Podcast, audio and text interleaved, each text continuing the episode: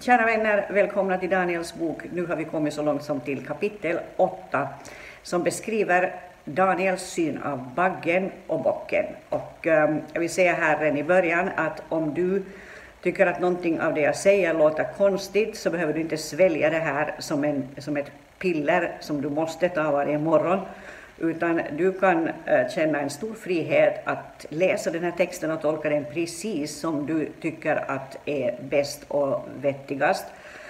Eh, och jag, har, jag gör inga anspråk på att du ska sprida det här över hela jorden, det jag säger, utan det här är min enkla förklaring av den här texten, eller ett försök till förklaring av den här texten. Eh, och du väljer precis vad du gör av det här. I den här texten så möter vi ängeln Gabriel faktiskt. Det står här i eh, vers 17 så här, alltså innan så har han fått höra en röst av en människa som säger Gabriel, tyd synen för honom, alltså tyd det här som han har sett. Och då står det, då kom han nära platsen där jag stod, men jag blev förskräckt när han kom och jag föll ner på mitt ansikte. Uh, han sa till mig, du människobarn, du bör förstå att synen syftar på den sista tiden. Och eh, så står det att medan han talade med mig sjönk jag bedövad ner med mitt ansikte mot jorden, men han rörde vid mig och reste mig upp igen. Sen sa han, jag ska låta dig veta vad som ska ske vid slutet av vreden, för det syftar på den sista tiden. Och så börjar ängeln Gabriel förklara vad den här synen som Daniel har sett betyder. Eh, Daniel, eh, förlåt, Gabriels namn betyder Guds hjälte. Han är ärkeängel och det är också samma ärkeängel som, samma ärkeängel som i Lukas 1 för fram budskapet till Maria att hon ska bli gravid och föda ett barn. Jag ska läsa det alldeles, alldeles kort här, eller bara ta någon vers från det här sammanhanget, så får du bara se att det handlar om samma ängel här. Det står så här i Lukas 1 och 26. I den sjätte månaden blev ängeln Gabriel sänd av Gud till en jungfru i staden Nasaret i Galileen. Hon var trolovad med en man som hette Josef och som var av Davids släkt och jungfruns namn var Maria. Ängeln kom in till henne och sade, gläd dig du som fått nåd, Herren är med dig. Och där stannar jag. Det här är samma ängel, alltså ängeln Gabriel, som alltså 500-600 år innan eh, det här eh, innan det här ordet ges till Maria så är samma ängel igång här med Daniel. Det är ju intressant att änglarna sträcker sig genom tidsåldrarna. Och det står i Hebreerbrevet 1 om änglarnas tjänst och jag tycker att det är värt också att plocka med det. Eh, det står så här att ehm, Hebreerbrevsförfattaren säger i det första kapitlet och den fjortonde versen att är inte änglarna andar i Guds tjänst utsända för att hjälpa dem som ska ärva frälsningen. Så änglarna kallas för andar i Guds tjänst. De tjänar Gud, de går på Guds befallning. De går när han säger gå eh, och de förklarar, nu då här i sammanhanget med Daniels bok, så förklarar ängeln Gabriel eh, den syn som Daniel har haft. Lite tidigare här i Hebreerbrevet 1 så står det så här i vers 7 om änglarna säger han, han gör sina änglar till vindar och sina tjänare till eldslågor. Så änglarna är vindar, de rör sig snabbt, antar jag att det betyder, och änglarna är andar i Guds tjänst eh, som är utsända för att hjälpa dem som ska ärva frälsningen. Och här är då Gabriel eh, sänd till Daniel i det här sammanhanget i Daniels boks åttonde kapitel och ängeln förklarar den här synen som Daniel har sett. Och den här synen som Daniel har eh, Eh, sker då han är i Susan, i fästningen, eh, på ett uppdrag för kungen. I slutet av det här kapitlet, Daniel 8, vers 27, står det att men jag, Daniel, blev kraftlös och låg sjuk en tid. Sen steg jag upp och utförde min tjänst hos kungen. Så han hade någon tjänst på gång eller något uppdrag på gång. Han är hos kungen och det här, eller i det här sammanhanget eller i den här situationen så ser han då en syn av en bagg, eh, bagge och en bock. Eh, och det här sker alltså år 551 i Belsassars tredje regeringsår, eller under hans tredje regeringsår. Och eh, det står att när jag såg upp fick jag se en bagge, ram på engelska. Nu är vers 3. När jag såg upp fick jag se en bagge med två horn stå framför floden. Båda hornen var höga, men det ena var högre än det andra och det som var högre sköt upp sist. Jag såg baggen stånga mot väster, norr och söder. Inget djur kunde stå emot honom och ingen kunde rädda ur hans våld. Han gjorde som han ville och blev mäktig. Jag funderade över detta och se då kom en bock västerifrån. Så vi har en bagge och en bock. Han gick fram över hela jorden utan att röra vid marken och han hade ett väldigt horn i pannan. Han närmade sig baggen med de båda hornen som jag hade sett stå framför floden och han rusade emot honom i stort raseri. Jag såg honom komma ända in på baggen och rasande störta sig över honom och han stångade baggen och krossade hans båda horn så att baggen inte hade någon kraft att stå emot honom. Sedan slog han honom till marken och trampade på honom. Det fanns ingen som kunde rädda baggen ur hans våld. Eh, bocken blev mycket mäktig, men när han var som starkast brast det stora hornet och fyra andra stora horn kom upp i det ställe riktade åt himlens fyra väderstreck. Från ett av dem sköt det upp ett nytt litet horn som växte kraftigt mot söder och öster och mot det härliga landet. Det härliga landet är Israel. Det växte ända upp till himlens här och kastade ner den del av hären och av stjärnorna till jorden. Förlåt, det växte ända upp till himlens här och kastade ner en del av hären och av stjärnorna till jorden och trampade på dem. Det förhävde sig till och med mot Herrens furste och tog ifrån honom det dagliga offret och platsen där hans helgedom stod revs ner. Tillsammans med det dagliga offret blev en härskara utlämnad på grund av avfallet och hornet slog sanningen Eh, och hornet slog sanningen till jorden och hade framgång i det det gjorde. Sen hörde jag en av de heliga tala och en annan helig frågade den som talade hur lång tid avser synen om det dagliga offret och det förödande avfallet som gör att både helgedom och härskara förtrampas. Då svarade han mig 2300 kvällar och morgnar, sen ska helgedomen renas och återställas. Ja, ehm, och ehm, 2300 kvällar och morgnar, om jag glömmer att säga något kring det, så i min bibel så står det som förklaring här att det handlar om 2300 missade offertillfällen, det vill säga 1150 dagar, alltså tre år och två månader. Ehm, och det handlar denna siffra om. Och templet återinvigdes av Makabéerna i december 165 f.Kr. Det står i första Makaberboken 4 och 52.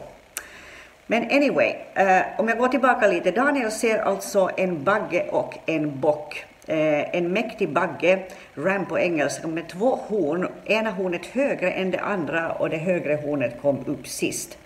Och den här baggen stångar mot väst, mot nord, mot syd, inte mot öst faktiskt och inget djur kunde stå eh, den här baggen emot. Eh, baggen gjorde som han ville och blev stor.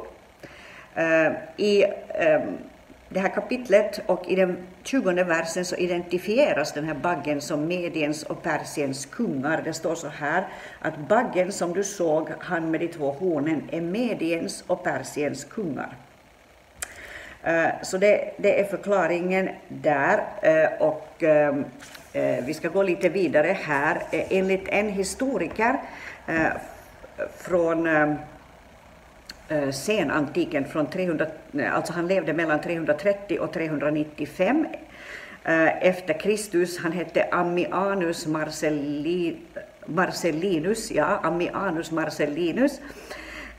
Så hade den persiska regenten på sig huvudet av en bagge när han stod framför sin armé. Så bilden av baggen är någonting som går genom historien kunde vi säga. Baggen var det nationella emblemet för Persien. Baggen fanns också på mynt och på persiska regenters huvudbonader. Så det är en bild som används sedan genom historien. Så bilden Daniel ser är någonting som återkommer genom historien. Interesting. Mm. Ett av hornen var, var, högre än det andra. Eh, Persien var större och starkare än mederna. Eh, stångade åt väst, nord och syd. Eh, det med och persiska riket ställde sig ut i dessa riktningar men inte mot öst. Eh, så har det varit.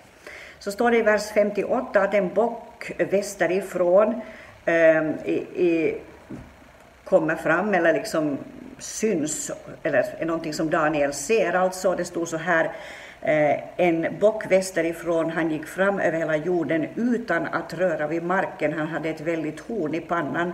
Han närmade sig baggen med de båda hornen som jag hade sett stå framför flonen. Hornen lär vara de här regenterna, eller förklaras vara de här regenterna. Eh, bocken identifieras som Grekland, eh, faktiskt. Och det står så här i i 8.21 till 22, alltså i det här kapitlet och i verserna 21 till 22 så här att um, men den raggiga bocken är Greklands kung och, den stora, och det stora hornet med hans ögon är den första kungen. Men, det, men att det brast och att fyra andra uppstod istället, det betyder att fyra riken ska uppstå av hans folk, men inte med samma kraft som hans.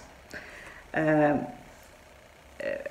när det gäller bocken, så från den gamla historien så vet vi att det inte alls var en konstig symbol.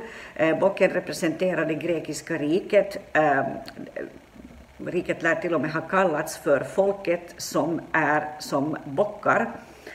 Eh, och det är alltså en, en naturlig koppling här. Och det står att han gick fram över hela jorden utan att röra vid marken. Så läste jag här i vers 5.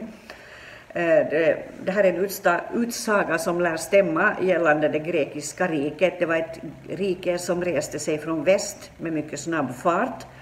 Uh, suddenly without touching the ground, så att säga med snabb fart utan att röra marken. Och det är en snabb härskare som uppstår och det är Alexander den store uh, som, som uppstår uh, och som då så att säga Eh, alltså han var ju en mäktig härskare, han är ett speciellt horn. Eh, och eh, och eh, ja, det grekiska riket hade ett berömt krig, det vill säga det medo-persiska eh, medo-persiska riket. Och och det står alltså då att Eh, Eh, den här personen kommer ända in på baggen, tänkte jag tappa bort mig här. Det grekiska riket och det medo-persiska riket, alltså eh, det här berömda kriget, eh, de hatar varandra, man kunde säga på engelska with furious power, de, de hatar varandra med en våldsam kraft. Och det är ju så att, att vissa av de största, våldsammaste striderna i den gamla historien, förlåt, i den gamla historien streds mellan greker och perser. Eh, och det grekiska riket vann då över det medopersiska. Eh, det stod här att ingen kunde rädda baggen ur hans våld. Eh, och sen står det att det grekiska rikets ledare och hans regerande klipptes av, det stora hornet brast, så står det. Eh, efter Alexanders, ehm, eller efter slutet på Alexanders regerande så delas det grekiska riket eh, i fyra olika regenter. Eh, det har vi i vers 8. När han var som starkast brast det stora hornet och det menar man alltså var Alexander. Och fyra andra stora horn kom upp i det ställe riktade åt himlens fyra väderstreck. Och dessa fyra riken Eh, dessa fyra regerar över sina riken, eh, inte, hela, inte över hela riket tillsammans. Eh, Alexander delade inte själv riket mellan sina fyra regenter utan det gjorde de själva med våld efter hans död. Det handlar alltså om Kassander som regerar Grekland, det handlar om Lysimachus som regerar över mindre Asien, Eh, Selenky Selenkus som regerar Syrien och Israel och Ptolemy som eh, regerar över Egypten. Eh, det stod i vers 8 här att den här bocken blev mycket mäktig. Alexander den store regerar också över spridandet av den grekiska kulturen, av civilisationen, av språket. Gud kanske också använde Alexanders passion till att sprida den grekiska kulturen och förbereda världen, kunde vi säga, för att ta emot evangeliet om Jesus. Genom hans inflytande blev grekiskan och den civiliserade världen eh, blev grekiskan den civiliserade världens språk och eh, också Nya testamentets språk. Uh, och um, ja, um, det stod här i min egen kommentar i Bibeln eh, så här angående vers 21 där vi alltså läste så här att den raggiga bocken är Greklands kung och det stora hornet mellan hans ögon är den första kungen. Det står så här eh, att grekerna fick världsvälde genom Alexander den store mellan alltså 336-323 före Kristus som besegrade eh, perserriket Baggen och vid toppen av sin makt avled han 323 före Kristus och hans rike splittrades i fyra delar. Så äh, det här är ungefär det jag vill säga kring det här kapitlet. Äh, det finns garanterat väldigt mycket mer här, men jag ska försöka äh, att begränsa det till det här. Jag vill önska dig en jättefin dag. Om en vecka är vi tillbaka och då har vi ett lite enklare kapitel faktiskt, för då kommer vi till Daniels bön som är väldigt användbar också i, i många sammanhang. Men tills dess önskar, dig, önskar jag dig en jättefin vecka.